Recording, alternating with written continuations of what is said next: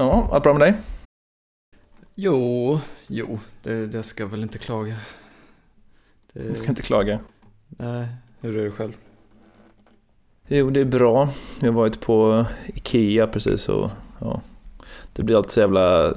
Det, tar alltid emot lite grann när man lägger ner massa pengar på liksom... Ja men skit.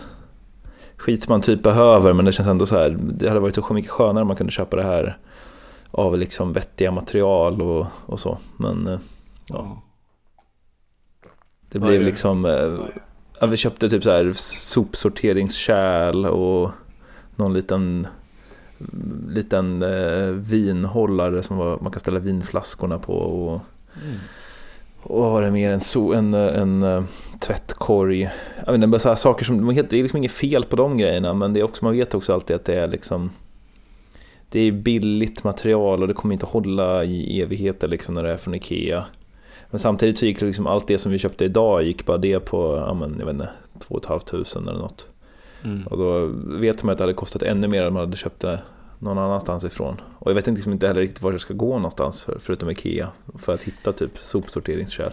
Äh, Du är en sån, eh, du är en sån designkille, du skulle säkert gå till eh, Nordiska galleri, eller vad fan heter de? En, nej, vad fan? N- NK? Nej, men det, det finns någon sån här design, eh, heter det inte Nordiska galleriet? eh? Ja, det finns något som heter Nordiska galleriet också, jag har inte bra koll på vad det är. Men det Nej. finns också, vad heter det, så här designtorget och sånt. Men, Ja, men de är lite Ja. mer eh, skoj. jo, precis. Ja, Jag har lite för, eh, jag, har för, för lite pengar för min, för min goda smak. Du vill ha en sån... Spelar du in förresten? Ja, jag spelar in. Ja, bra. Du, Mm. du vill ha någon sån eh, robust tysk industridesign. Ja, eller så här härligt nordisk eller dansk, svensk möbeldesign är ju... Men tyska, tysk möbeldesign ska man inte sopa under mattan så att säga. Nu öppnar jag en stark öl här. Åh, jag, jag, jag håller mig med, med 3 5 Ja, vad fint. Ja, jag, jag, jag fick en eh, stout från, i, i, i födelsedagspresent i dagarna av en kompis. Eh, den är 12,5% så det är verkligen stark öl. Peanut Butter Imperial Stout, det, det är sån där typisk mikrobryggeriöl verkligen. Jag dricker nästan eh, aldrig så här stark stout. Jag drack en sån, den hette typ så här mudcake. eh, Mm, Men det var... det är Omnipoj och så. Ja, va? precis, precis. Mm. Det är inte min sorts öl egentligen det här, men jag börjar lära mig mer och mer och gillar det. Men man får dricka det på ett helt annat sätt än om man dricker pilsner liksom. Man får Mm. sippa i sig den långsamt. Ska vi räkna ner? Mm, det kan vi göra. Köra en eh, Primavera nedräkning. Ska jag börja eller? Mm.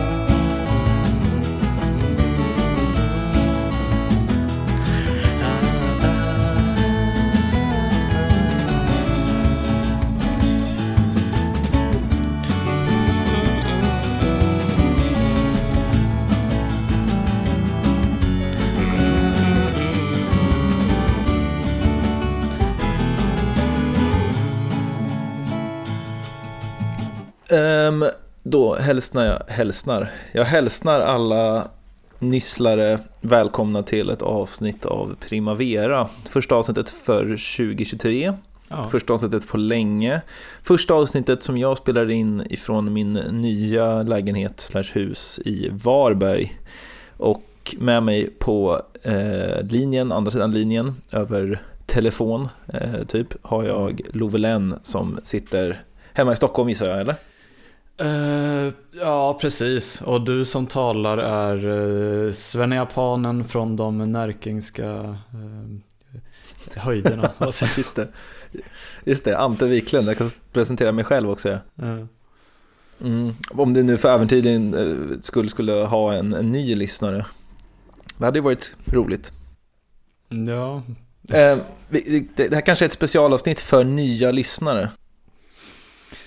Det, det känns som det är specialavsnitt för många grejer. För din flytt, för min, mitt sexuella uppvaknande, för uh, Vreeswijk, för... eh, För min, min 30-års, mitt 30-årsfirande, eller mitt 30-årande snarare. ja, vilket jag, inte hade, nå- också. vilket jag inte hade någon aning om. Eh, Nej, men jag har inte haft så mycket aning om det heller känns det som. Ja, okej, men ehm, vi, vi biter väl rakt in i det söta äpplet som är dagens avsnitt va? Mm. Vad Ja, ja. har du tänkt på på senaste tiden? Nej men jag tänkte, jag tänker nästan att jag drar av det nu direkt innan vi kommer till den grejen för, för att bara när jag har melodierna i huvudet. Men, men det slog Mm. mig, det var en ganska festlig sak som slog mig när jag satt och spelade gitarr och jag insåg att, eh, att det är ungefär samma liksom versmått och längd på fraserna i, i Cornelis Vreeswijk låt eh, Dekadans som i hans låt Balladen om eh, Fredrik Åkare och Cecilia Lind. Um, Mm. Så då insåg jag att man kan, eh, man kan liksom spela upp då dekadans så att den låter ganska väldigt sorglig så här och vemodig. Eller, eller eh, eh, Fredrik Åkare, Cecilia Lind så att den låter lite frejdig liksom. Har du provat att göra det då? Ja, jag tänkte göra det nu i, i Ja, on nice. tape. Jag hoppas att du skulle säga det. Ja, nice. Okej, eh, då kör vi lite live här i, i Primavera då. Ja, jag får se hur, hur väl du hör det genom mina jävla bluetooth-hörlurar men eh, Ja, men det, Ja. Det, det ska nog gå bra.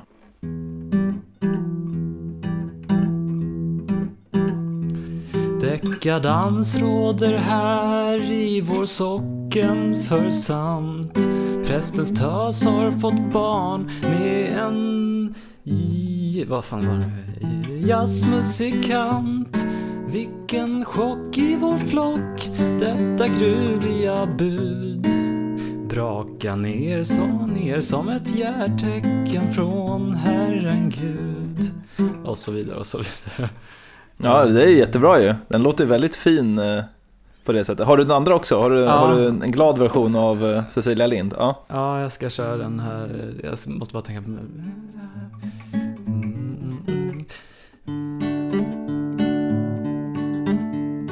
På öcker och loge hörs dragspel och bas och fullmånen lyser som den vore av glas.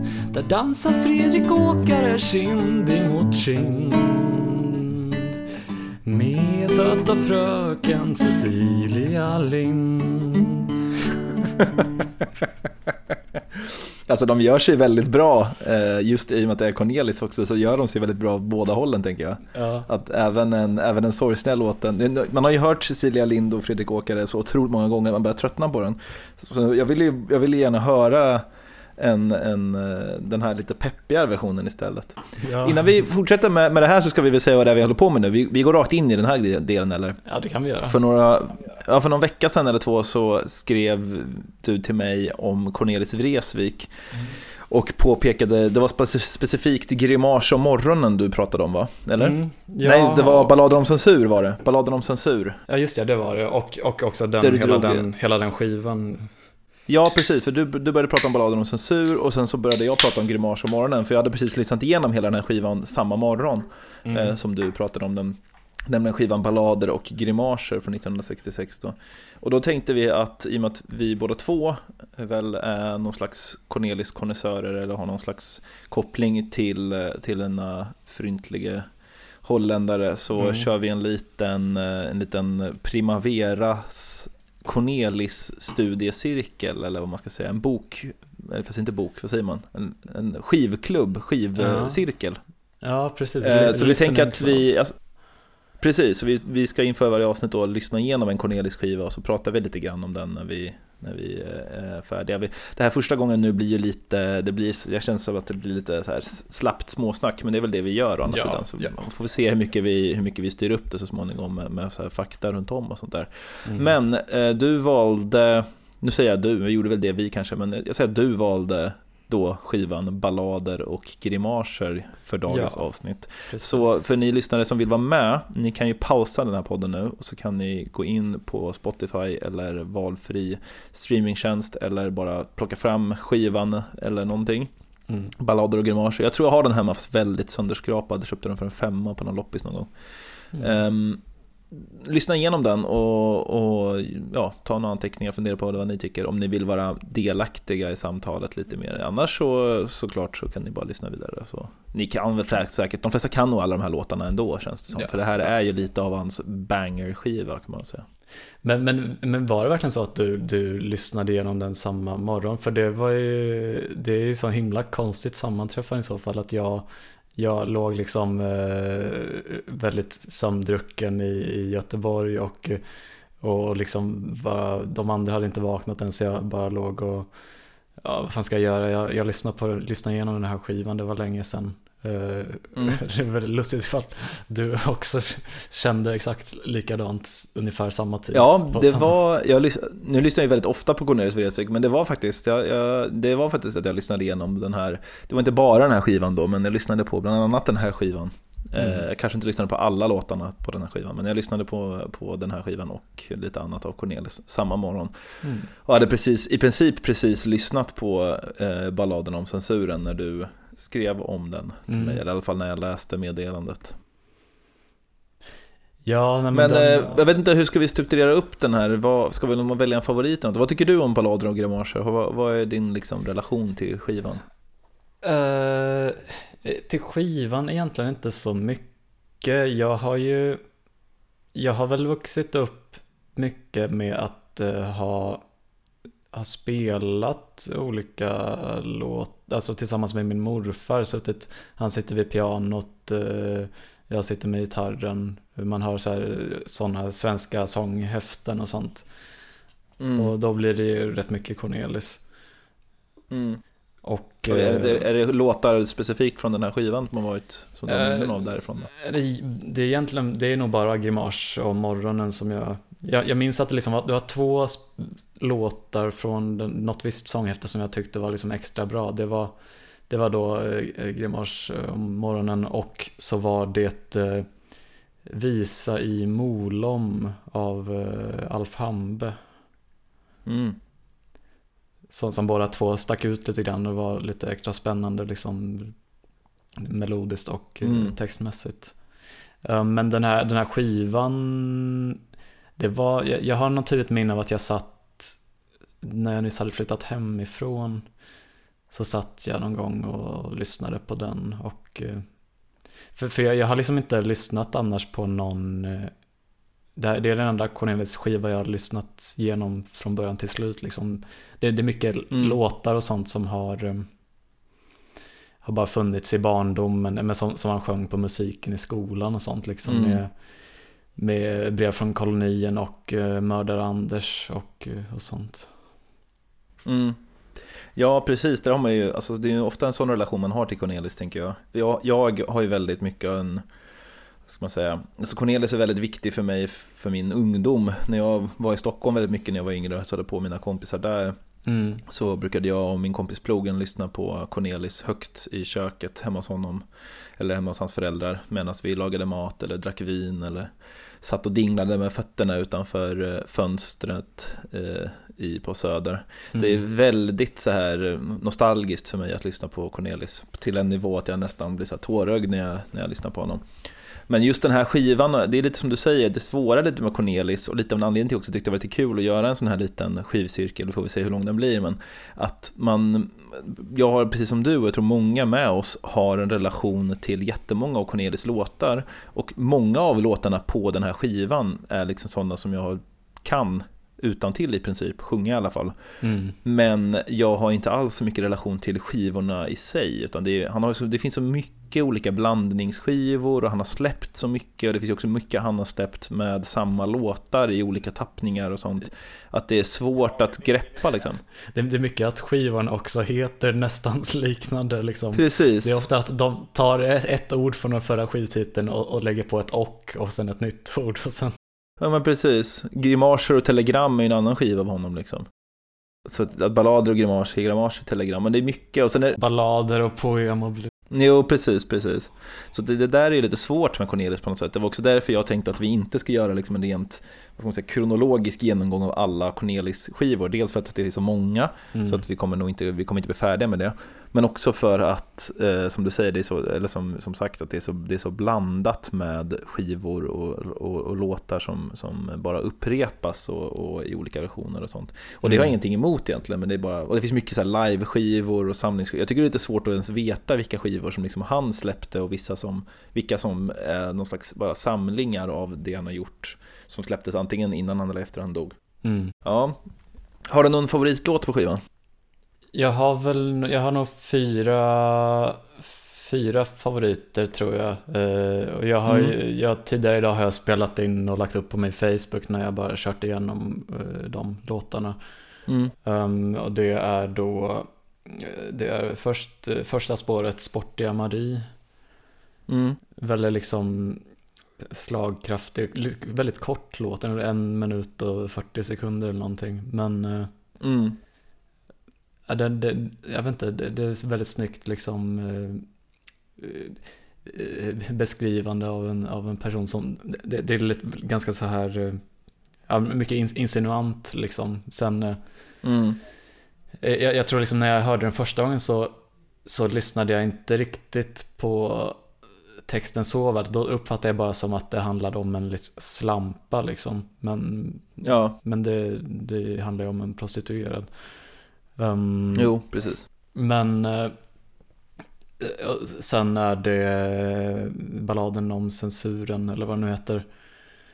Mm. Eh, Och eh, den som jag spelade upp förut, eh, vad fan, Dekadans. Dekadans. och eh, Grimas om morgonen. Hor- horoskopvisan eller vad den heter gillar jag också, men, men den är inte riktigt lika stark Mm. som... eh, Ja, jag tänkte, jag är glad att du nämner den, för den, jag tror till att börja med så känns det som att, alltså, Grimmage om morgonen är ju lite av en, en given med den här, på den här skivan. Jag kollar på Spotify nu också, den har liksom, eh, ja, den näst mest spelade låten, Balladen om censuren, den ligger på, nej förlåt, Slusk Blues är näst mest spelad faktiskt, eh, och den ligger på 897 000 spelningar. Medan Grimmage om morgonen ligger på 2 460 000 spelningar, så det är liksom, det är tre gånger så mycket. Mm. Så det, är, det här, Grimmage om morgonen är ju skivans banger så att säga. Och, och den är ju, den är välförtjänt etta, eller vad Ja. man ska säga, på, på uppspelnings... Eh, toppen i, på Mm. just den här skivan. Det är, en, eh, alltså det är, det är verkligen en, en otrolig låt med Mm. otroligt bra text och den, är- den är både Ja, den är, den är verkligen jättefin. Så den är ju såklart självklart på någon slags eh, eh, topplista även för mig. Här. Men jag, Mm. det, det jag egentligen ville säga var just att jag var glad att du nämnde horoskopvisa. För det här är en låt som jag helt har missat. Jag har säkert hört den förut. Men Mm. jag har absolut inget minne av den. Och har lyssnat på den en del eh, de senaste dagarna och framförallt idag några gånger.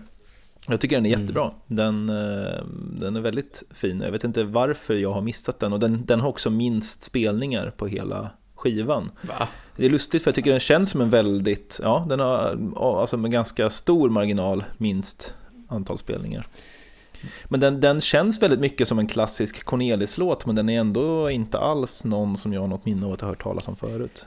Alltså om man jämför med många andra låtar, nu får jag nästan leta upp låtlistan här, men den är ju inte lika um, frejdig och liksom, eh, alltså inte skabrös, men, men, men många av låtarna har lite så här eh, klämkäcka poäng. Den, den Mm. känns mer lite långsam och eh, vemodig och eh, ja, det är väl Grim- Grimasche morgon också i och för sig, men Precis, men det är det men det är mycket så här, men det, men det är många så här som jag tycker att, ja, jag vet inte om det, jag tycker de är superbra som om man kollar då Lasse Liten Blues, Jultomten är Mm. faktiskt död.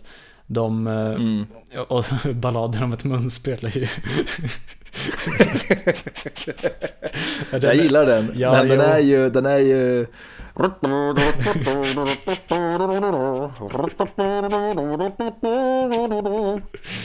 Ja.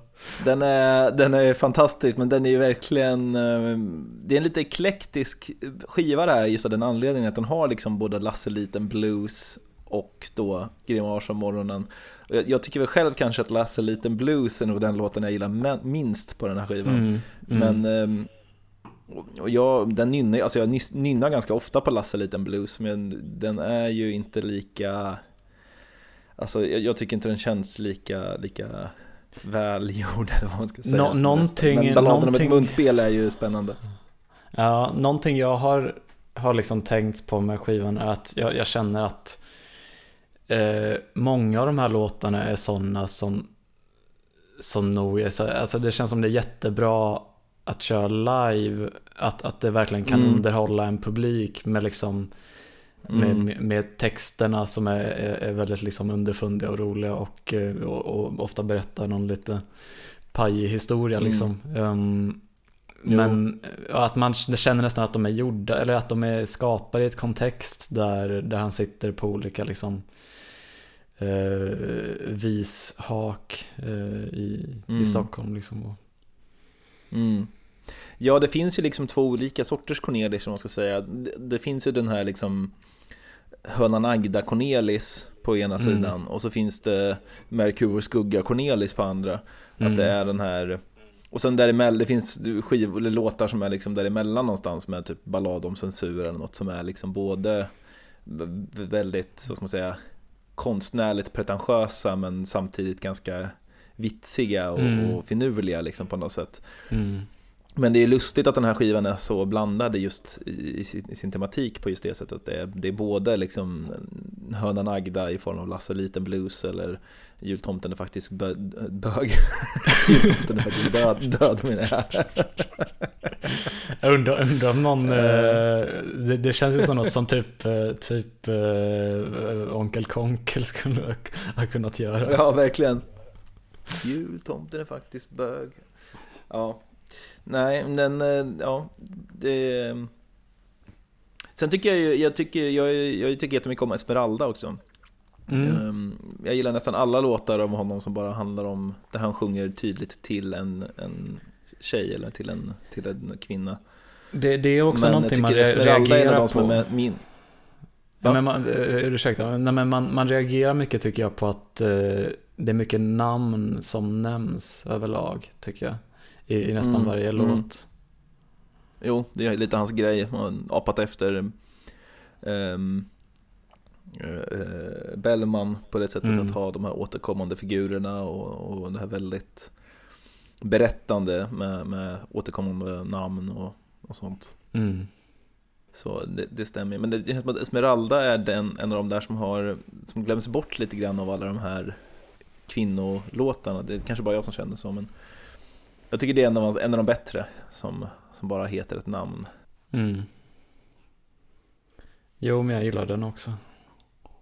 Jag tänkte i, i balladen om munspel, jag tror det var idag, jag vet inte om jag bara, jag har alltid i, i slutet så sjunger, säger, sjunger han att när han tänker på sin farfar som har dött så tar han upp sitt munspel och blåser en liten fanfar. Mm. Och sen och så vidare. Men jag har alltid av någon anledning tänkt att han sjunger att han blåser en liten farfar. Så att han uttalar farfar jättekonstigt. Men jag, jag vet inte, eller spelar en liten farfar eller vad det är han säger. Eh, Jag vet inte varför jag tänkte, men det är inte helt olikt Cornelis att, att eh, böja på orden väldigt mycket för att det ska gå att rimma. Balladen på en soptipp har ju flera sådana också, den är inte med på den här skivan då, men att han, Mm. han, eh, han sjunger Sahara för att det ska Mm. rimma och sånt där. Mm. Det ska rimma på bra, så sjunger han Sahara istället för Sahara. Det är så, sån grej som, Ja. eh, som, som Kalle Lind alltid brukar raljera över när folk liksom böjer, böjer till ord och, och betoning för att eh, hålla rim. Samtidigt känner jag att han nog nästan kan, han kan nog liksom förlåta det hos Cornelis just men eh, ja. Ja, jag tycker, jag tycker det är ganska briljant att göra det. Jag, vet inte, jag tycker det är roligt. Eh, Jag tycker det bidrar till låten att göra sådana konstiga, så här, överdrivet konstigt uttalade ord. För att det, det, blir, det blir intressant då. Så jag, jag har stört mig lite faktiskt på en, hans hat mot det i Della Morta och sånt. Mm, jo. Jo, jag också. Han, eh, han kan ha en väl, han har väldigt tydliga åsikter om lite allt möjligt. Eh, Ja, jag, ja, det är väl bra, det kan man ju ha. Ja, Ja, han, jag vet att han någon gång gnäller på Cornelis, eh, Cornelis tolkning av Merkur och skugga har jag för mig det var, där han säger någonting Ja, det här var en jättedålig spaning nu, för, eller eh, kommentar eller vad man ska säga. Han säger någonting, han påstår att Cornelis sjunger någonting men det gör han inte. Så, Men vi, vi låter det vara där, för jag kommer inte ihåg vad det var längre. Och det var nog ett så här, det var ett, jag tror det var ett Delamort avsnitt som är kanske fem år gammalt eller någonting som jag lyssnade på i somras. Så jag tänker att det kan vara, det kan vara preskriberat. Nå någonting som jag, Eh. som jag reflekterade över som är kanske så här, alltså det är kanske något som är självklart för vissa men, men just med texterna att man märker liksom skillnaden mellan en, en visa när det är i liksom folkstuket och en poplåt och det är ju att det inte det finns ju inga refränger direkt. Eh, Mm. Sant. vilket, eh, vilket vi- jag bara aldrig hade re- reflekterat över innan. Det är snarare så här, det är återkommande eh, fraser liksom och, och Mm. språkliga liksom textgrejer att det återkommer till en viss, det, alltså varje liksom vers eller vad man ska säga avslutas på samma sätt. Eh, Just det. Ja, precis. Att det finns någon slags någon återkoppling utan att vara en, en direkt refer, eller refräng. mm. Eh, jag måste bara hedersnämna Slusk Blues också som jag som ligger mig väldigt varmt om hjärtat. Men eh, är vi färdiga med, med ballader och grimaser? Jag tror det. Ja, okej. Ehm, jag tänkte föreslå att jag, får jag föreslå en skiva nummer två då till, till nästa vecka? Mm. Nästa vecka. Då tänk, ja just det, nästa, okej, nästa vecka blir det kanske inte, men nästa avsnitt. Ja. Då tänker jag, eh, jag tänker gå ganska tvärtom, det här är en ganska tidig skiva. Jag tänker gå till eh, en skiva som eh, heter På Powerhouse, som är en liveskiva som är relativt ny, den släpptes 2013 tror jag. Mm. Med någon gammal inspelning på, på Powerhouse, som jag tror ligger i Stockholm, frågetecken. Eller låg kanske. Eh, det är en liveskiva där han är väldigt full. Eh, och, och, men, han, men han tar i som fan i vissa av låtarna. Framförallt kanske Getinghoven Provençal som är extremt bra i den här. Eh, ja, men det tar vi nästa gång. Ja, det ska bli intressant att lyssna på. Mm, det ska bli kul. Ja, annars då? Hur har... Hur, du, du eh, skrev till mig för ett tag sedan. Jag ska se om jag kan, om jag kan hitta direkta meddelandet här. Mm. Eh, en sekund där. Eh, förut idag, två minuter innan, mm, säger vi namn här? Nej. Nej. Förut idag, två minuter innan streck kom med bilen för att köra mig upp till Stockholm sprängde jag den ultimata vallen. Jag fick orgasm av penetrationssex. Ja, eh, och det här, det här, då skrev jag direkt att så här, det här pratar vi inte om mer nu, utan det här ska vi ta i Primavera. Mm. Eh, Berätta, berätta historien. Eh, jag, jag vill ju liksom, eh, jag vill nog inte gå på för mycket in, in på detalj med liksom vem, vem, vem det var med och så vidare. För det, jag, jag, jag har ju tagit något slags eh, publicistiskt beslut att jag är lite osäker om jag ska liksom fortsätta hålla på och lämna ut folk som, som jag har gjort genom alla år. Ehm, men det, jag var på, det här var en person som jag Första gången jag träffade henne var, eh, jag, jag var på besök hos en, en eh, bekant som, som bor annorstädes och eh, eh, Eh, vi var hemma hos eh, en kompis till honom och, eh, och, och deras, deras rumskamrat var, var en kvinna då och eh, vi, vi, vi satt på en vi satt på en balkong så här sent på natten och jag, jag lyckades liksom eh, arbeta upp ett mod till att säga till henne att eh, eh, jag sa typ så här nästan ordagrant ja, eftersom det här förmodligen är sista gången vi ses så kan jag lika gärna säga att jag tycker du är väldigt vacker. Väntade eh, en halv sekund, sen sa jag hoppas du inte tar illa upp. Mhm. Jag, vill, jag ville braska lite där. Ja, ja. Och ehm, ja, alltså jag, jag fick höra sen av, det var någon jag skrev med som sa bara ett, det, det, det är beta-mail kackbeteende och säga sådär och två, man ska inte ens säga till kvinnor att de är vackra, man ska liksom hålla på och negga och sånt. Jag tycker det är så jävla, så jävla löjligt. För alltså liksom eh, att man, alltså okej okay, att det kanske på något sätt i, i regel kan funka bättre. Men, men jag, tror, jag tror inte det funkar om man inte är en sån person. Utan om man bara ska liksom, om man inte är en Nej. jättebra skådespelare. Nej, just liksom. det. Nej, just det. Jag tror faktiskt inte heller att det funkar bättre i regel. Jag tror att det kanske funkar på vissa ja, naja, skitsamma. Vi ska inte gå in i det nu. Nej.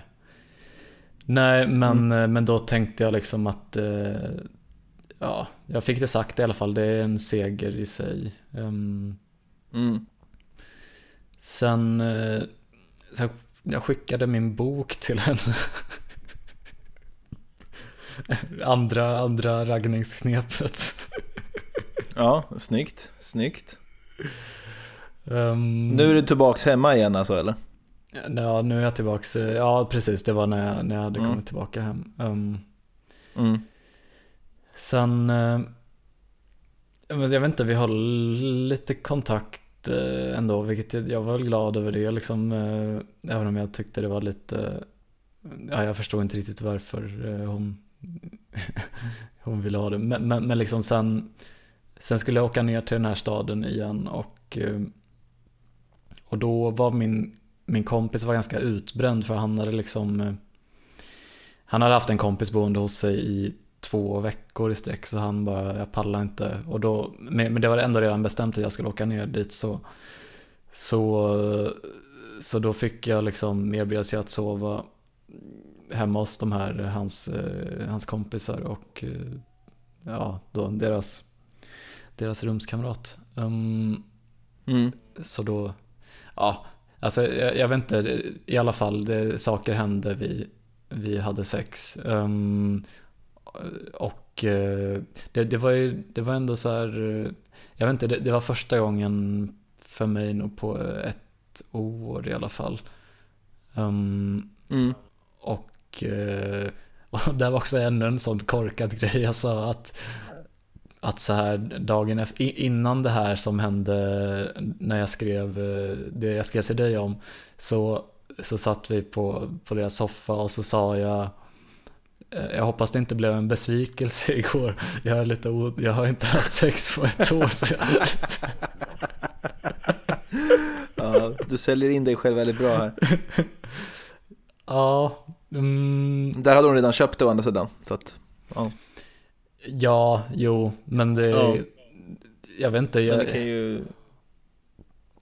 Jag, jag tror mest du bara det var... Du kan ju sälja ner dig själv ytterligare i hopp om, om, eh, om, äh, återköp eller något. Ja, inte återköp, men att, att hon skulle gå med på, ja, uh, whatever.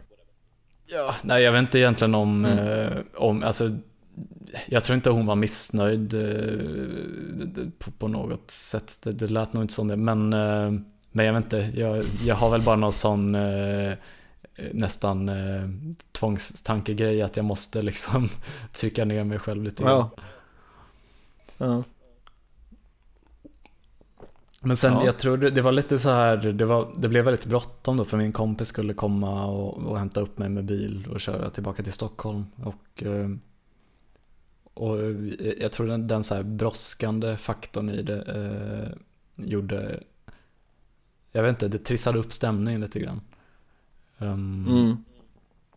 Och sen, uh, sen hände det bara, och det var, jag ska säga, det var helt, det var nog helt annan, ja, men jag, jag känner, jag har ju fått lite av ett sexuellt uppvaknande liksom av det. Det, det, det, det var en helt annan, en, en helt annan sak än att sitta hemma på kammaren liksom. Och... Mm, jo. Det är ju, det är ju lite så att, uh, att, uh, ha, att ha sex med någon är liksom inte bara att man onanerar tillsammans med någon annan utan att det faktiskt finns någon, det finns något med där. Ja, precis. Och, ja, jo, sent, men... sent ska syndan vakna säger man väl eller? Ja, jo men jag har väl upplevt något annat tidigare men, men, jag, men, men, men, men rent så här bara fysiska känslan av orgasmen var ju mycket starkare än Mm. Ja. Mm. Men jag kommer ihåg där när, jag var, när man var yngre också att det var mycket svårare att få orgasm av sex liksom. Mm. Men eh, nu tycker jag inte alls det längre. Men eh, det, ja, det, jag kommer ihåg det också när man var yngre. Att det var, antagligen så hade man väl liksom, man hade lärt sig exakt hur man, skulle göra det på egen hand så att säga. Mm. Så det blev väl en helt annan grej när man faktiskt måste förlita sig på att, att få till det med, med hjälp av någon annan liksom. Men, eh, mm. Ja, så jag, jag undrar nu ifall, eh, ifall det är så att jag, nu har jag lärt mig eller, eller om jag bara hade tur. Eller vad man ska säga. Av min erfarenhet tror jag nog att du har eh, Du är på, på, ett, på, rätt, på rätt väg i alla fall. Det kanske fortfarande kommer vara lite Kanske kan vara lite svårare i framtiden också men att det, det blir liksom lättare och bättre för varje gång eller vad man ska säga. Mm. Så jag, jag, håller, jag hoppas jag kan hålla ditt humör uppe där.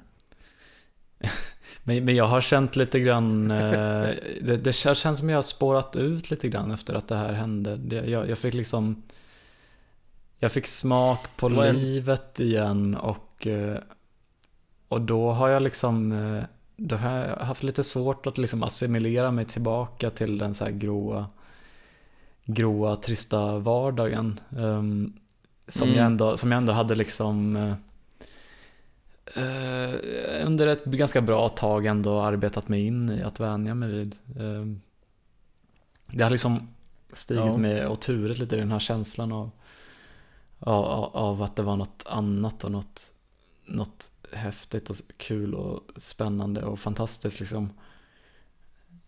Jag, jag, jag, jag minns någon gång, det, alltså det, det märkte jag igår när jag kom hem och, eh, och liksom såg att gick in på Facebook och såg så här notifications. Att jag hade tydligen gjort, i något, gjort något inlägg där jag skrev Idag är dagen då jag äntligen har insett att Johan Johansson inte bryr sig ett skit om mig. Eh, Jag vet Ja, inte jag varför. såg det. Och eh, jag... Vad va, vad fan, varför skulle jag skriva en sån grej offentligt? Det, det, det, alltså, egentligen är det inte ens något som jag, jag bryr mig inte, vad, vad fan, jag bryr mig inte om det så himla mycket, vad fan det, man kan inte bli omtyckt av alla. Eh, jag tror det bara var liksom projiceringar från något annat liksom, men, men framförallt bara så här, eh, jag hade inget minne av det alls. Jag, jag känner att jag skulle behöva Men behöva skrev ha du det när du var full eller något? Ja, ja. Om jag hade varit ute med Ja, en kollega liksom och sen kommit hem. Men, men jag känner att jag nästan skulle ha någon så här um, alkolås på mobilen typ. Ja, ja. För det, det, Och då får du det, känna dig bättre så tror jag inte Johan Johansson har, bryr sig om mig heller. nej men, men, om, det, eh, om det känns bättre. nej, men det, det är någonting bara med att eh, Alltså det hade, näst, det hade ju varit mindre pinsamt om jag hade Alltså om jag hade skrivit något pinsamt till en person i, privatmeddelande typ För då skulle jag bara liksom Mm. behöva skämmas inför den personen nu Jo. Jag, jag vet inte varför jag gör sådana här saker typ. Det är eh, Alltså för, mig kändes det bara som att jag inte fattade någon, något skämt eller något. Alltså, om, om, det, om det kanske kan vara en förmildrande omständighet för dig eller att det ska kännas lite bättre så ja, det kanske bara är jag som börjar bli gammal men jag trodde att, jag, att det var någon, någon referens eller någon slags skämt eller någonting som jag bara inte fattade för jag tyckte det var så, jag tyckte det var så konstig uppdatering annars. Så jag bara utgick ifrån att, du, att det var något skoj. Så jag tyckte det var ganska roligt. Eh, ja, Det kanske är bra ifall tog du bort det eller lät det det eh, vara? Jag tog bort det Ja, ja. Ja vad fan, jag är kompis med honom på Facebook men nu hade jag inte taggat in honom men eh, Ja, det är bra. Det är så himla passivt Ja, aggress- aggressiv sak. Ja, det är verkligen, eh, verkligen eh, lite störig sak att skriva. Men du, du förhoppningsvis såg den inte alla, i alla fall om du inte taggade in Nej. någon, så det är väl skönt. Nej, det tror jag inte. Antar jag. Ja. Ja. Nej men så det är väl Jag- det, det som har hänt i mitt liv. antar jag. ja, men det är väl bra. Ehm, jag har flyttat ut till Varberg, ja, utanför Göteborg. En timme ut nästan. Eh, och fyllt 30. Och så dessutom har jag flyttat in i, nu är det en, en hyresrätt, men det är i princip ett radhus. Mm. Så det är två våningar och, och grejer. Så nu, nu lever jag verkligen, eh, eh, vad ska man säga, pappa, ja, men, lite så här Volvo, Vove, villa. Fast jag nu inte äger något av dem. Jag har varken en Volvo, en Vove eller en villa. Men jag börjar, jag börjar liksom, jag har fått ett smakprov lite grann på, på det här livet av, Mm. av den yngre medelåldern eller vad man ska säga. Um, jag klamrar mig, fort, mig fortfarande fast vid faktumet att jag fortfarande studerar och att det här är en hyresrätt och inte en, att jag inte äger huset och sådana här saker. Men eh, ja, snart är jag en goner som man säger. Det, men det känns ganska bra Ja, ändå. Jag pratade med en kompis goner om eh, goner. att Ja, nej jag skojade bara. Men eh, det, det, det, det känns väldigt skönt att inte behöva fundera på vilket av alla slutet av 20 jag är. Om jag liksom är 27, 28, 29. Mm. För det känns som att alla de efter kanske 26 eller något känns som att det, det är helt meningslöst. Det är liksom det känns att, att säga att man är 28 känns lite som att man är ett barn och säga att man är så fem och ett halvt liksom, eller att man är sex Mm. år och sju, sju månader eller något sånt. Mm. Eh, Så det, det, på det sättet känns det ganska skönt att slippa behöva säga att man är 29 utan att man, man får faktiskt säga 30 nu, att det, det är lite på riktigt på något sätt. Mm. Så det, det känns rätt bra tycker jag. Ja, jo. Ja, men det, du, du har liksom hoppat, du har tagit dig förbi nästa checkpoint liksom. Mm, precis. Om jag dör nu så får jag liksom resurrecta vid 30 istället för vid Precis. ja, 25 eller 20 eller vad det nu blir. Och 20 känns ju så extremt långt bort nu. Jag har fått några så här infall av åldersnoja någon gång ibland i några sekunder i princip. Och att säga bara åh gud nu börjar jag bli gammal. Men sen så börjar jag fundera över så här hur, hur, hur länge sedan det var jag fyllde 20. Mm. Och det känns så, eller, eller bara 25, alltså 25 känns helt främmande för mig och det är ändå bara fem år sedan. Det var då jag blev tillsammans med, med Emma liksom. Mm. Men det, det, känns, det känns ändå, eller det kanske inte var, jo det var väl fem år sedan. Ja, fem och ett halvt. Ehm, Det borde du ha koll på. Har Så- ni firat, vad, vad kallar man det när man varit tillsammans fem år? Ja, jag vet inte, man, man kallar väl inte för någonting förrän man har gift Femårs, sig va? femårsdag kanske man kan säga. Ja, precis. Eh, vi, vi är förlovade också, så det är ju ännu mer liksom sån riktig börjar bli vuxenliv nu. När man bara får, får ett jobb nu efter, efter examen så har jag verkligen, då har jag gått och blivit vuxen plötsligt. Får man något jobb Men på, Varberg på design, eh, designmeriter? Ja, alltså, så, ja, ja men som, jag hoppas på det. Jag, har försökt, jobba här, jag har i- försökt Så här LSS-boende. Ja, precis. Exakt. Ja, med, med grafisk design så har man i alla fall någon slags hopp om att få börja jobba på någon jävla så här reklambyrå eller någonting. Det känns inte så jävla lockande, men det kanske blir kul. Mm. Det finns ju olika designbyråer, men jag är mitt uppe i nu, eller mitt uppe i, jag har börjat komma, liksom, börjat acceptera att jag måste börja skriva en massa mejl nu till alla olika designbyråer i, i Västra Götalandsregionen och Halland och sånt. Jag vill Mm. hellre jobba i, i Göteborg än i Halmstad, men ja, Varberg är ju såklart bra också, men jag tror inte det finns så mycket designbyråer i Varberg. Nej. Men om ni hör det här så kan ni ju höra av er. Mm. Vad Du kan göra säga? lite så här, göra Varberg. lite Lenin-illustrationer till uh, Leninbadet. Ja, precis. Jag hoppas på att jag ska försöka besöka Leninbadet snart faktiskt. Jag har inte gjort det än. Eh, och jag har faktiskt inte varit på kallbadhuset heller än. Jag, här, I helgen så var min mamma på besök och firade min 30-årsdag med mig. I, i, lite i förväg. Mm. Och, eh, alltså förra veckan då. Och då fick jag äntligen en, en, eh, lite tid och tillfälle att gå runt lite mer i Varberg under dagen. Jag har faktiskt inte gjort det alls i princip under den här tiden som jag bott här. Nu har jag bott här i mer än en månad. Mm. För att jag alltid har varit antingen, jag har varit borta över jul och nyår, så har jag varit i Göteborg på, i skolan över dagarna, så jag har knappt sett Varberg i dagsljus. Men det är en väldigt vacker stad måste jag säga. Alltså, det finns en fin fästning mitt i stan, havet ligger verkligen direkt i anslutning till staden. Mm. Och det är fina, fina klippor och sånt där. Och så finns det ju då de här massor med badstränder och det finns ett kallbadhus, det finns flera olika span och så då Leninbadet som ligger bara nerför gatan från där jag bor. Mm. Och det, jag, det är en sån grej som jag alltid, när jag är eh, när jag inte är i Japan så längtar jag nog mest tillbaks nästan till de japanska baden när jag är hemma i Sverige igen. Och eh, det här är väl kanske det närmaste jag kan komma till någon slags svensk badkultur. Alltså Varberg är en badstad och det finns inte många badstäder i Sverige. Sen finns det ju många så här, alltså span och sånt där, men, men det verkar vara en ganska ingrodd badkultur i Varberg. Min mm. tjej berättade att när man, när man ska operera så måste man så här, det är folk som inte, folk vill inte bli opererade ihop, alltså i, i, så att det krockar med badperioden. Så de, mm. För då kan de inte bada, så då, då måste man liksom se till att operera runt det på något sätt.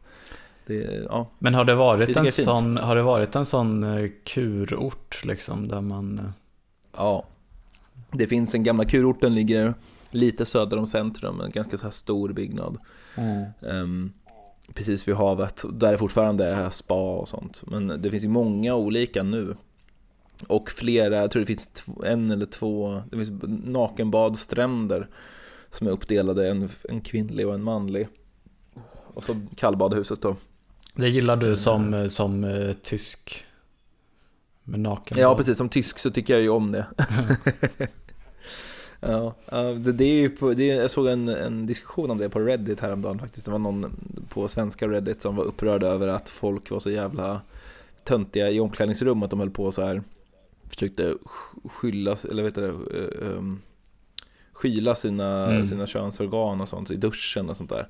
Eller folk som mm. bara duschar med kalsonger eller badbyxor på. Och jag tyckte det var skönt att se någon annan bli upprörd över det, för det här är en sån här grej som är svår att ta upp utan att man låter som ett freak typ. Men jag, jag, jag är enormt irriterad av den här alltså Amerika kulturimperialistiska importen av, vad ska man säga? Puritaniska eh, världen. Ja, precis. Alltså här, blyghet och skit. Alltså, vem, jag bryr mig inte om hur din kuk ser ut liksom. Det, jag tycker det låter, bara... det låter väldigt konstigt att duscha med badbyxor.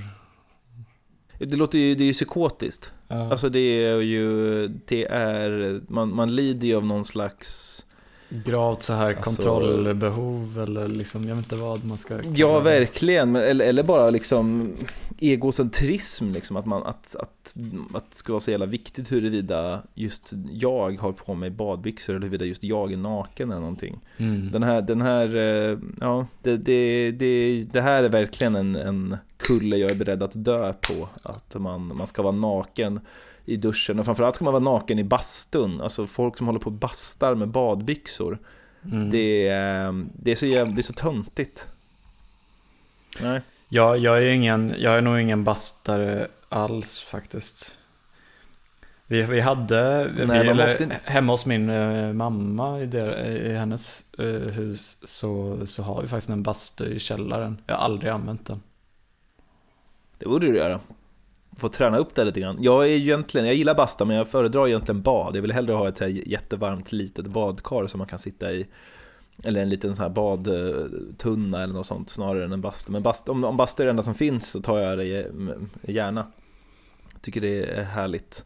Men alltså, man kan väl basta, man kan ju bara ta en handduk och lägga det över om man tycker att det är lite pinsamt. Jag, jag tycker egentligen att man ska basta blandat, alltså att man kan ha både kvinnor och män i samma bastu, för jag tycker inte att det, det ska inte vara någon konstigheter. Nej, alltså jag, Men jag, kan förstå att det kanske inte gäller i så här offentlig bastu och sånt, att det kanske blir lite obekvämt och jag, lite risk för eventuella övergrepp och sådana saker. Ja, men för mig är det bara extrema temperaturer som jag har svårt för. Jo, jo. Jag, hade mycket, jag tyckte det var mycket jobbigare förr också, men eh, jag tror att det var när jag var i Japan första gången och jag badade väldigt mycket i de här väldigt, väldigt varma baden som jag började vänja mig. Förr mm. blev jag alltid väldigt illamående och yr av att uh, bada uh, varmt. Jag har fått för mig att det är eh, någon sån, det känns som en sån tjejgrej att duscha så här jätte, jätte, jättevarmt. Mm, det är väl en gammal spaning att tjejer vill duscha jättevarmt, är inte det? Ja.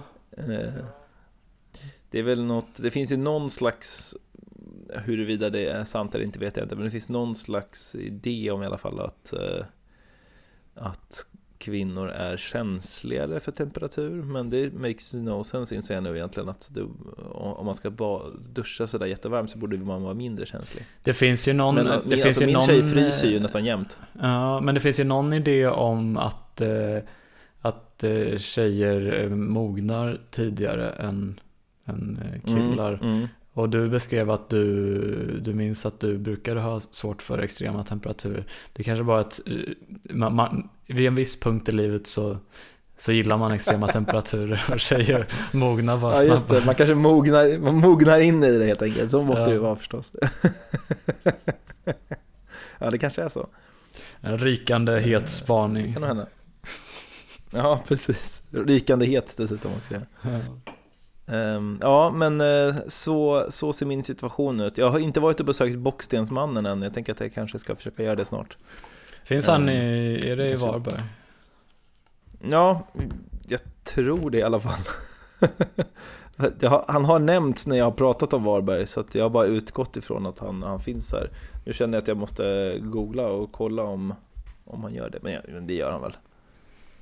Jag har varit i så... Hittat sig en mosse i Halland. Han, Ja. han finns vid Hallands museum. Mm. Ja, men vad ligger det då? Det måste ju vara i Hallands museum. Ja, ja men det är inne i fästningen. Vad bra. Mm. Varbergs fästning. Jag har ju varit i så himla få svenska städer. Jag har liksom... eh, Jag vet inte. Jag, jag har liksom varit i Stockholm, Göteborg. eh, Jag har inte... Sen har jag varit så här i, i, i Kalmar, Växjö. eh, Söderköping, får, det kan man inte ens räkna till en stad. Det är bara en tätort. Eh, just det, Norrköping, Linköping. eh, Jag tänkte Eh. säga det, Norrköping har du varit i. Eh, Simrishamn har jag varit i. Eh, Mm. Men det är ungefär dem. Jag, jag, har, inte, jag, alltså jag har inte varit i, i Malmö ens, inte i Lund, inte i, inte i några städer norr om eh, Stockholm. Inte ens Västerås. Nej. eh, Nej, det är, man, man, det är väl en, eh, en Uppsala har trasig jag, gammal klyscha vid det här. Uppsala, Uppsala har jag i har och för sig varit ja. Okej, ja det ligger ju lite norr om, men det är Ja. ja. knappt.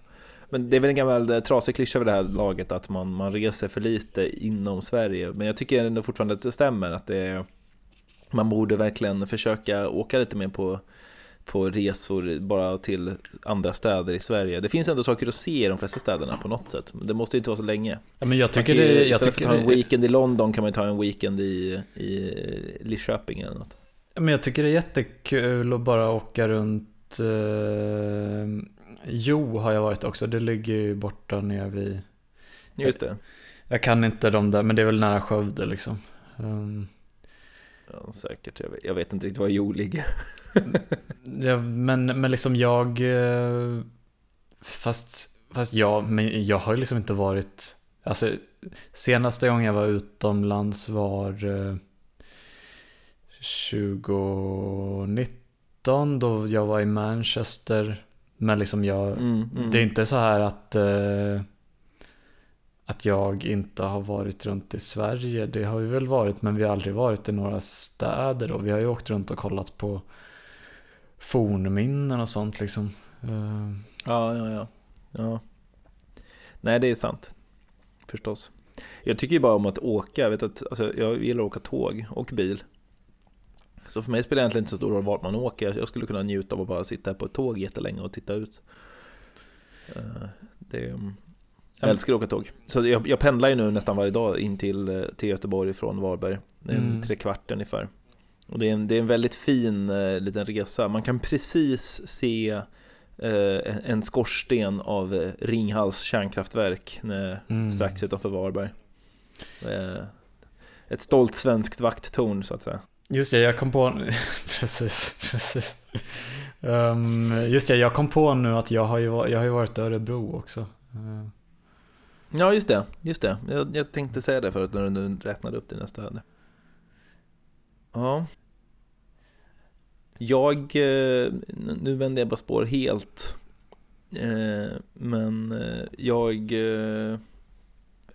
jag vet inte, det här, det här skrev jag upp men jag hade egentligen inga längre tankar på det. Men jag, jag kommer att tänka på ett tag på att jag brukar få höra och har så här insett under mina 30 år i livet nu att jag är ganska bra på det man brukar kalla för det sociala spelet. Alltså att jag är ganska bra på att liksom prata med människor och att hålla samtal och, och jag, jag har ju pratat lite tidigare om att jag tycker att det är väldigt jobbigt när någon inte tycker om mig eh, och sånt. Ja. Och så började jag fundera på, oj, sen började jag eh, koppla det till eh, min, min, min, min uppväxt. Min pappa var ju både alkoholist och deprimerad under i princip hela mitt liv Mm. i, i svängar. Ibland var han lite bättre, ibland lite sämre. Men jag undrar om, jag börjar fundera på om det här kanske att växa upp med en pappa som är alkoholist och instabil och, eh, och deprimerad Det kanske gör att man blir jättebra på det här sociala spelet för att man, man blir väldigt bra på att läsa varenda lilla liksom liten vink att nu kanske jag sa någonting fel eller nu hände någonting fel eller eller, alltså, jag blev väldigt bra på att liksom gå som katten runt den heta gröten om man ska säga. Nu ska jag bara understryka också att jag, det, jag, jag har, nu lät det lite som att jag blev slagen eller någonting. Det har jag aldrig blivit. Min, min farsa var aldrig aggressiv på det sättet. Men han kunde bli väldigt arg eller väldigt ledsen typ. Jag tyckte det snarare lät som att du har hittat nyckeln till hur du ska uppfostra dina barn. Ja, ja just det. Är det, strong times create, nej hard times create strong men, Ja, create good times Ja, create weak men. precis. Just det, jag måste, jag måste, bryta, jag måste bryta den här cirkeln av, av hard times och good times helt enkelt. Mm. Mm. Jag får jobba på det med min eh, 13-procentiga Ja, precis, precis. Ja, jag har ju, om jag, om jag kollar på min relation till min pappa så har han ju inte varit sån, ja, han har väl varit deprimerad lite grann men han, och han har druckit lite grann men, varje dag men, men inte, inte extrema Mm. mängder. Men, alltså, men jag har ju liksom men på något plan har jag ju också blivit överkänslig för sociala signaler. Men, men det betyder inte att jag har någon som helst fingertoppskänsla för det. Utan jag har ju liksom bara reglage som går i taket, minsta lilla grej. Eh, som bara gör att jag får Mm. jättemycket ångest. Men det ger mig inte någon speciell färdighet. Ja, ja, det blev bara liksom svårare för dig då. Mm. Ja, vad synd. För jag, jag tänkte lite att jag hade hittat en fördel med att växa upp med en, med en instabil alkoholist. Men eh, ja, Jo men Det- det, jo, men det, det har, det, det har det väl fortfarande gjort för jag har inte vuxit upp med en instabil alkoholist. eh, nej nej okej, nej just det. En, la, lite... en lagom deprimerad, lagom eh, riskbrukande far. Ja, ja, ja. Svennebanan. Ja, jag tror man måste gå, gå fullt ut. Man måste gå fullt ut liksom. Det ena eller andra. Mm. Om man befinner sig mittemellan, Mm. då, då blir det farligt. Ja, det kanske det är, ja precis. Man måste vara, du får se till att vara verkligen hårt på spriten då, inte bara lite grann. Ja, man måste... Och verkligen vara socialt, alltså må, må dåligt då. Mm. Sätta skräck Ja, i sina barn. min, min, Ja, precis. Min, min farsa drack alltid ehm, glögg typ Mhm. varenda dag. Det är så jävla, jag har tänkt på det nu på senare tiden, det är så konstigt val av liksom av, eh, av ah, missbruks, eller alkohol att missbruka. Det var väl inte färdig glögg utan han brukade köpa rödvin som han värmde upp med, med lite anis och, och en kanelstång i typ. Men det är väl Gud, lite... det, nu låter det plötsligt väldigt tjusigt på något sätt. Det är väl lite tyskt ändå, Glühwein och... Ja, det är lite Glühwein ja, jo precis. Men han drack ju liksom året om, det var liksom alltid en kopp, en kopp glögg eller Glühwein då. Så Ja. låg han nästan alltid i sängen och läste, läste långa deprimerande ryska romaner typ. Mm.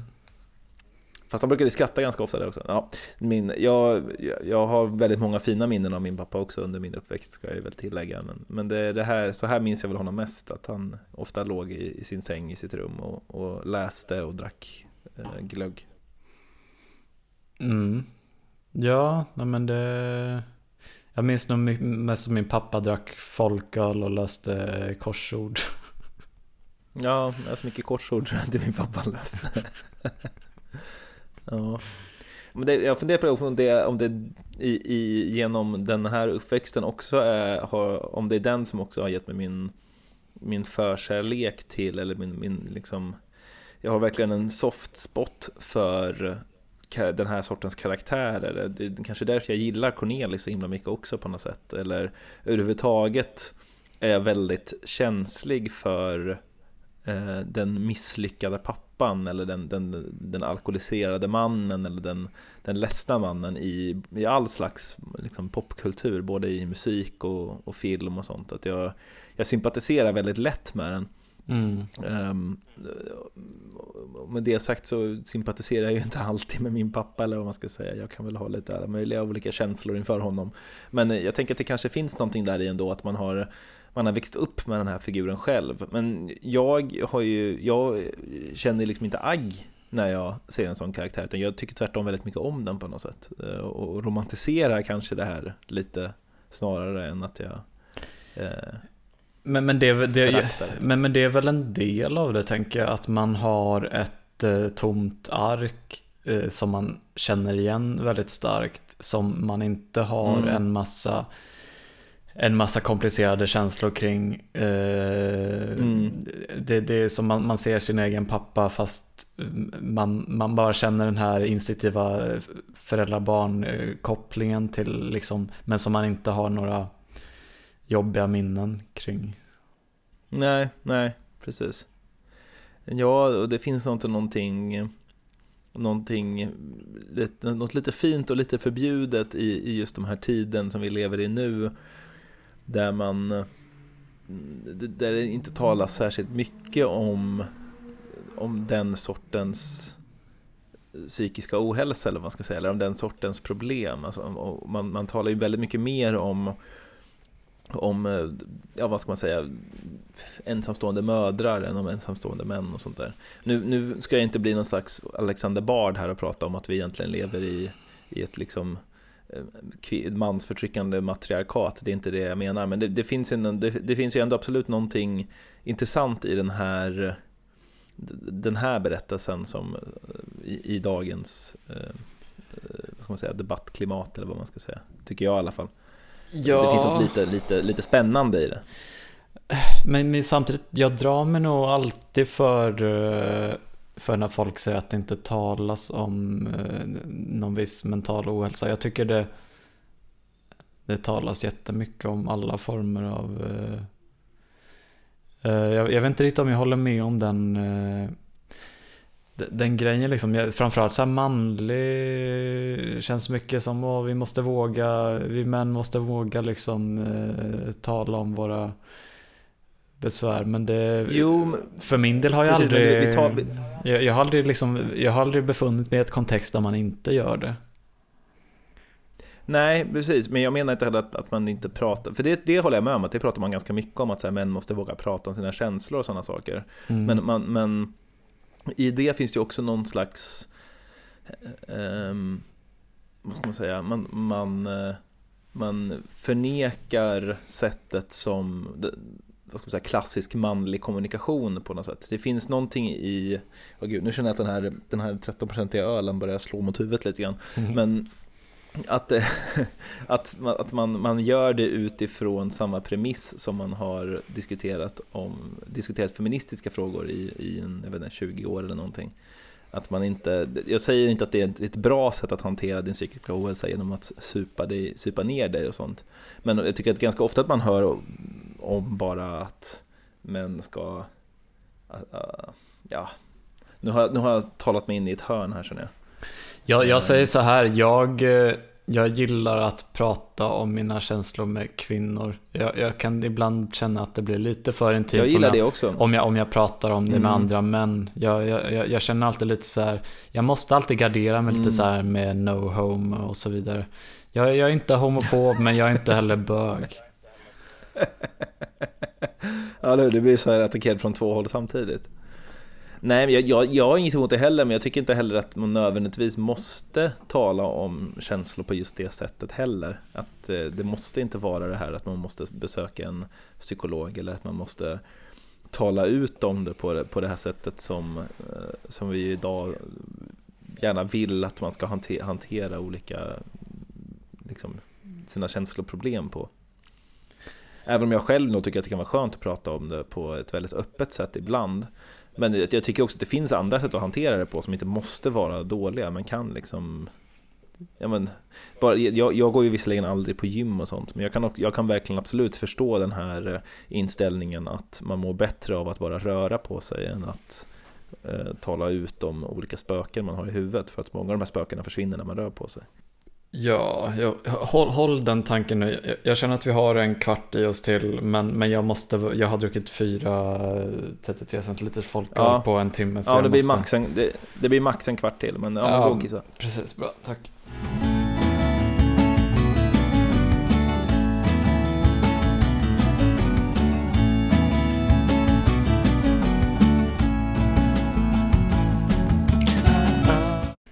Jag minns att jag, det var någon gång för länge sedan, det måste vara så 2016, 2017, jag, jag lyssnade på radioprogrammet Institutet eh, som eh, Jesper Röndahl och Karin Gyllensköld eller vad hon hette, Gyllenklev.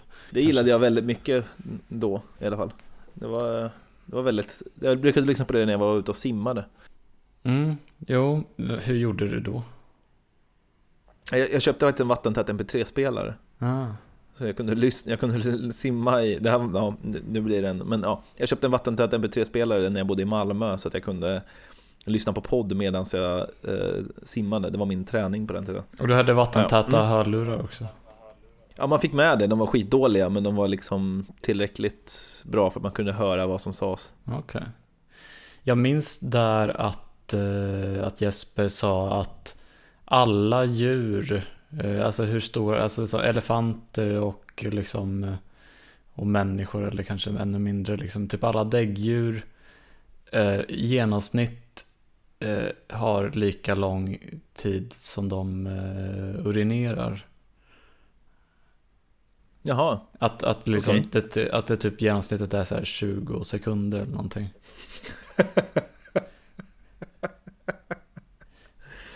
det är ändå någonting väldigt vackert med det. Jag tänker att det måste ju vara ganska stor skillnad i blåsans storlek, eller?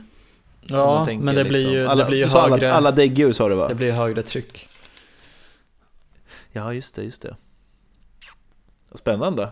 Eh, var, hade du någon längre take på det eller var det, hade det här något att göra med det här med träning? Nej, det hade att göra med att jag gick och pissade och att, eh, ja, ja. att, att jag tycker det är en annan sak när man har druckit mycket öl. För då, då, då det är kanske att jag har en svag prostata, jag vet inte, men eh, men det, det går inte på 20 sekunder, det, det må jag säga. Nej, nej, men har väl kissat längre än 20 sekunder. Mm. Men standard kanske är 20 sekunder. Alltså, jag skulle nog säga att 20 sekunder är en ganska bra uppskattning som en standard, för en standardkiss eller vad man ska säga. Mm. Däremot så har jag minnen av sen när man har varit väldigt, väldigt, väldigt, väldigt kissnödig och man, det känns som att man har kissat nonstop i en minut nästan. Mm. Eh, men det tar längre tid för dig menar du? Ja, men det beror alltså det är klart, det, det känns som också som att det beror på hur, hur länge man har väntat liksom. Om, om det verkligen nu, nu, nu, nu kommer det brista här, då, då har man ju ganska mycket äh, mm. ammunition i, i, i blåsan. Ja, precis. ammunition i... ja. Jag, jag vet inte om jag hade någonting mer att tillägga i diskussionen vi, vi hade innan. Eh jag, eh, jag märkte att jag började måla in mig i ett hörn där. Men jag tycker det finns någonting intressant i alla fall i, i historien och berättelsen om den, den deprimerade alkoholisten på något sätt. Jo men det är väl tycker jag alla så här eh, alla liksom intressanta manliga singer-songwriters överlag liksom.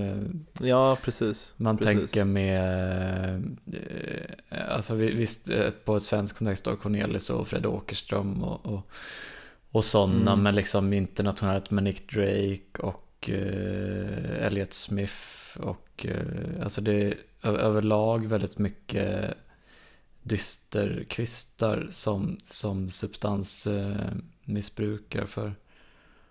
Jag tänker på eh, Allan Edwall kommer jag att tänka på med, som under flera, massor av sina låtar sjunger om det. Han, han sjunger en, i en låt att han själv blandar jag fredligt min tesprit med kir och Gud vet väl själv vilken verkan det blir. Mm. Det är en av mina favor favoritlines i, i någon visa. Mm. Men uh, ja, ja det, det, mitt hjärta slår verkligen uh, bultar lite extra för, för alla Nedvall-sorten på något sätt. Och att det också känns som att den här sortens väldigt känsliga sorgsna låtar, framförallt om vi nu pratar musik igen, om vi nu ska binda tillbaks till Cornelis också. Mm. Det får en, en, en, en extra eh, dimension när det inte bara är det här liksom sorgliga utan det är det sorgliga ihop med, med spriten på något sätt. För det här själv, själv eh, förstörande på något sätt. Ja, det... Jo, verkligen, verkligen. Ja, men det är väl något, det är väl det jag hoppas på att upp, ja, nu kommer jag aldrig supa så hårt liksom, men... Eh... men den estetiken vill man ju ändå uppnå utan att behöva förstöra sitt liv mm. på något sätt. Men jag, men, men jag Ehm. tror ju liksom jag ändå jag uppfattas av ganska många som en... Fast jag, jag uppfattas nog mer som tyst och introvert mer än, eh, mer än någon som dränker sina sorger eller liksom är så himla deppig. I alla fall av folk som inte, inte känner mig. Eh, Det är inte så att folk Mm. ser mig och tänker åh, där är en sån som tar till flaskan när det blir mörkt. Nej, det skulle jag inte säga. Men ehm, det, det fick man tänka på under, under jul och nyår så tittade jag igenom med min kusin tittade jag igenom eh, hela Kaurismäkis eh, Ari Kaurismäkis serie om, eller Aki Kaurismäki, förlåt Serie om finska arbetare, det kanske är alla hans, vad heter den? Den heter eh, det, finns, det är en trilogi som han har gjort Mm. som, med tre filmer som inte riktigt hör ihop Eh, som, den börjar med Skuggor i paradiset och sen följs den av en film som heter Ariel och sen den sista heter Tändsticksfabriksflickan flick, Flickan från Tändsticksfabriken tror jag Mm. Eh, finsk eh, regissör det här, Aki Kaurismäki och alla de här tre filmerna handlar på olika sätt om, eh, ja, men i princip om arbetare som blir av med sitt jobb och sen så måste de försöka leva vidare och det är misär och, det, och, så. Mm. Och så händer det saker. Men de- den, eh, alla de tre kan jag verkligen varmt eh, rekommendera att du borde se också. Mm. Den, Skuggor av paradiset är kanske den bästa, skulle jag säga. Eh, fantastisk film. Alla tre är dessutom också, de är bara en och en halv timme eller något sånt där, eller en timme och 20 minuter, så de är ganska korta. Men de är, de är extremt bra. Men där, där har man verkligen den här, det, det är ju Helsinki eh, på 80-talet. Det är väldigt mycket av den här eh, ja, men DDR-Sverige-känslan. Nu är det ju i Finland då, men man, man ser verkligen hur vi en gång i tiden i alla fall rent kulturellt var var på många sätt närmare Östeuropa snarare än Central eller Västeuropa ja, rent alltså, estetiskt Mm. och, och, och folkligt eller man ska säga att det fanns den här den här folkliga misären och, och eller misär kanske är fel ord men, men ja, något, något melankoliskt vackert i det, det fick mig verkligen, det slog lite i hjärtat det där. Den är verkligen fantastiska filmer. Jag såg också dessutom en, jag gick på en julkonsert med eh, vad heter hon? Eh, eh, eh, Vasas flora och fauna. Iris Viljanen. Ja, precis, Viljanen. Mm. Hon, hon spelade sin julkonsert i Göteborg i, i december och vi var såg den och den var ju också så fantastisk. Men det, det, det, man märker verkligen hur mycket melankolin och, och det här lite bistra, försupna, det är så viktigt i allt som har att göra med svensk eller överhuvudtaget skandinavisk eh, eh, kultur på något sätt för att det inte ska bli fånigt. Alltså Mm. så folkdans och sånt där, det känns ju fånigt för att det känns så klämkäckt. Men om man liksom kombinerar det med det här, det här bistra, kalla vintrar, och liksom hembränt i en stuga, då blir det ju coolt plötsligt. Mm. Jo, verkligen. Jag ska ju till, eh, till Helsinki ehm, om två veckor typ. Ja, vad kul, vad ska du där? Ingen aning. Elias sk- skrev bara vill du eh, till Helsingfors eh, den 3 till 5 februari eller vad fan det nu var. Fan vad kul. Jag hade jättegärna åkt till Helsinki, du får eh, uppdatera därifrån. Ja. Jo, för Det jag, jag har aldrig... jättekul stad. Vi har ju liksom åkt på så här Finlandsfärjor och Ålandsfärjor och sånt när jag har varit liten. Men då har Mm. man liksom åkt dit och så har man har har liksom färjan stått stilla i fem timmar och så har man kanske gått ut och kollat lite på stan och sen har man gått tillbaka. Och... Mm. Ja. ja, jag har åkt med Ålandsfärjan en gång med min kompis familj. Min familj var aldrig särskilt, särskilt för sånt, sånt där antar jag. Men jag åkte Tysklandsfärjan massor med gånger, men det är inte riktigt samma sak. Vi var i... eh, Men vilka? Nå, någon, alltså det var, då var jag ändå så här eh, kanske 16, 17 någonting. Vi, med min far så åkte vi till, eh, till Tallinn. Mm. Det var ju en väldigt fin stad. Och också Mm. liksom att, som jag minns att jag reagerade på väldigt starkt var att att ganska nära inpå där vi gick, gick i land så fanns det en antikaffär och där hade de så här, eh, så här klockor med, eh, med så här Stalin-motiv Mm. eh, och så här typ som såg ut som så SS-uniformer och sånt. Det tyckte jag var väldigt, väldigt häftigt. Ja, jag hade jättegärna åkt till, eh, till eh, Estland också, eller, eller Lettland eller Litauen. Min bror är i Litauen väldigt mycket för han jobbar där delvis. Han Mm. jobbar på något företag som har sitt säte där i alla fall, i Mm. Vilnius. Men de verkar alla tre, alla tre som jättefina eh, länder och väldigt vackra städer. Mm. Men det, det får bli så småningom. Det känns ju lite som att man vill göra det i sommar, på sommaren när det är lite varmare. Men Ja. å andra sidan kanske de har sin charm där just när det är kallt. Ja, men kanske så här just Hel- Helsingfors med det här eh, med det dystra, dystra Mm. lands eh, folksjälen. Att, Precis.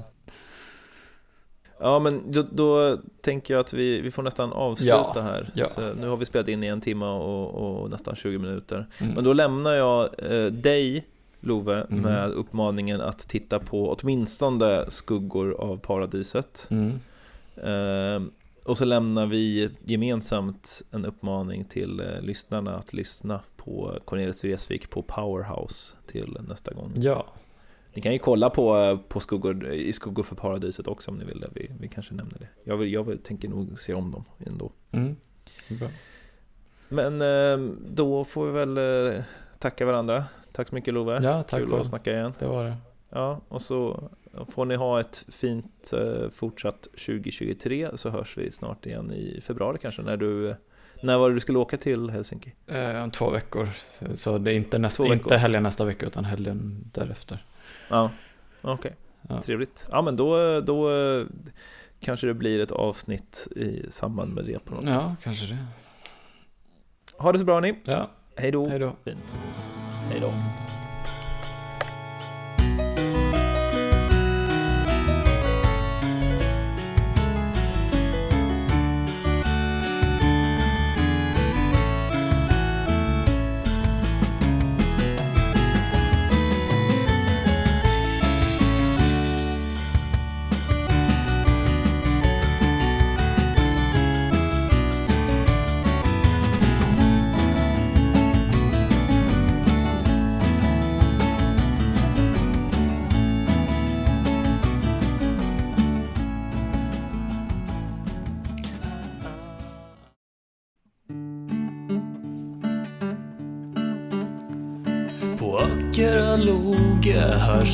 Dragspel och bas och fullmånen lyser som den vore av glas.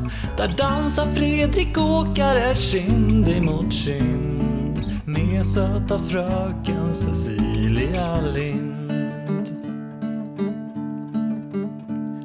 Hon dansar och blundar så nära intill och följer i dansen precis vart han vill. Han för och hon följer så lätt som en vind. Men säg varför rodnar Cecilia Lind? Var det för det Fredrik Åkare sa? Du doftar så gott och du dansar så bra. Din midja är smal och din barm är så trind. Och vad du är vacker Cecilia Lind. Hut, Fredrik Åkare, skäms gamle kar. Cecilia Lind är ju bara ett barn. Ren som en blomma och skygg som en hind. Jag fyller snart 17, sa Cecilia Lind. Och stjärnorna vandra och timmarna flyr. Och Fredrik är gammal men månen är ny. Fredrik är ju gammal men kärlek är blind. Och kyss mig igen, sa Cecilia Lind.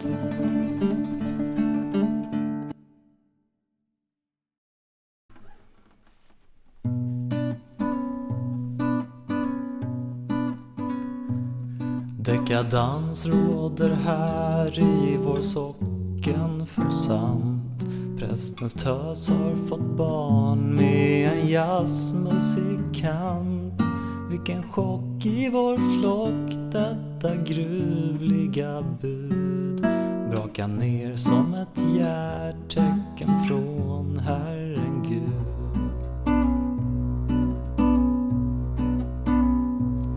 Prästens tös i folkets park Dekadans, dekadans låten han spela Hon dansar varje dans. Och han lockade och pockade Och blåste sin lur. Och fånga prostens dotter Fast man inte vet hur.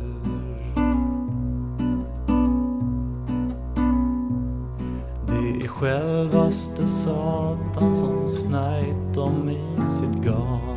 Han har farit i musikanten, detta djävulens barn. Men att de dansar ut i parken, ut i fullmånens glans. Det är skam på torra land, dekadans, dekadans.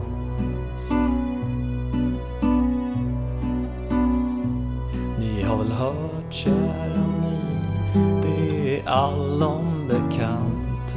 Ingen sann äkta kristen kan bli jazzmusikant.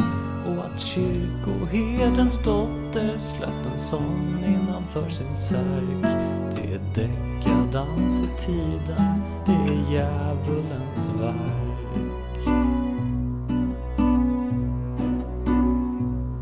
Dekadant och försoffad är vår ungdom idag. Och de bryr sig varken om religion eller lag. Du kan inget göra åt det, nej, du har ingen chans. För det är röta i vårt sekel, dekadans, dekadans.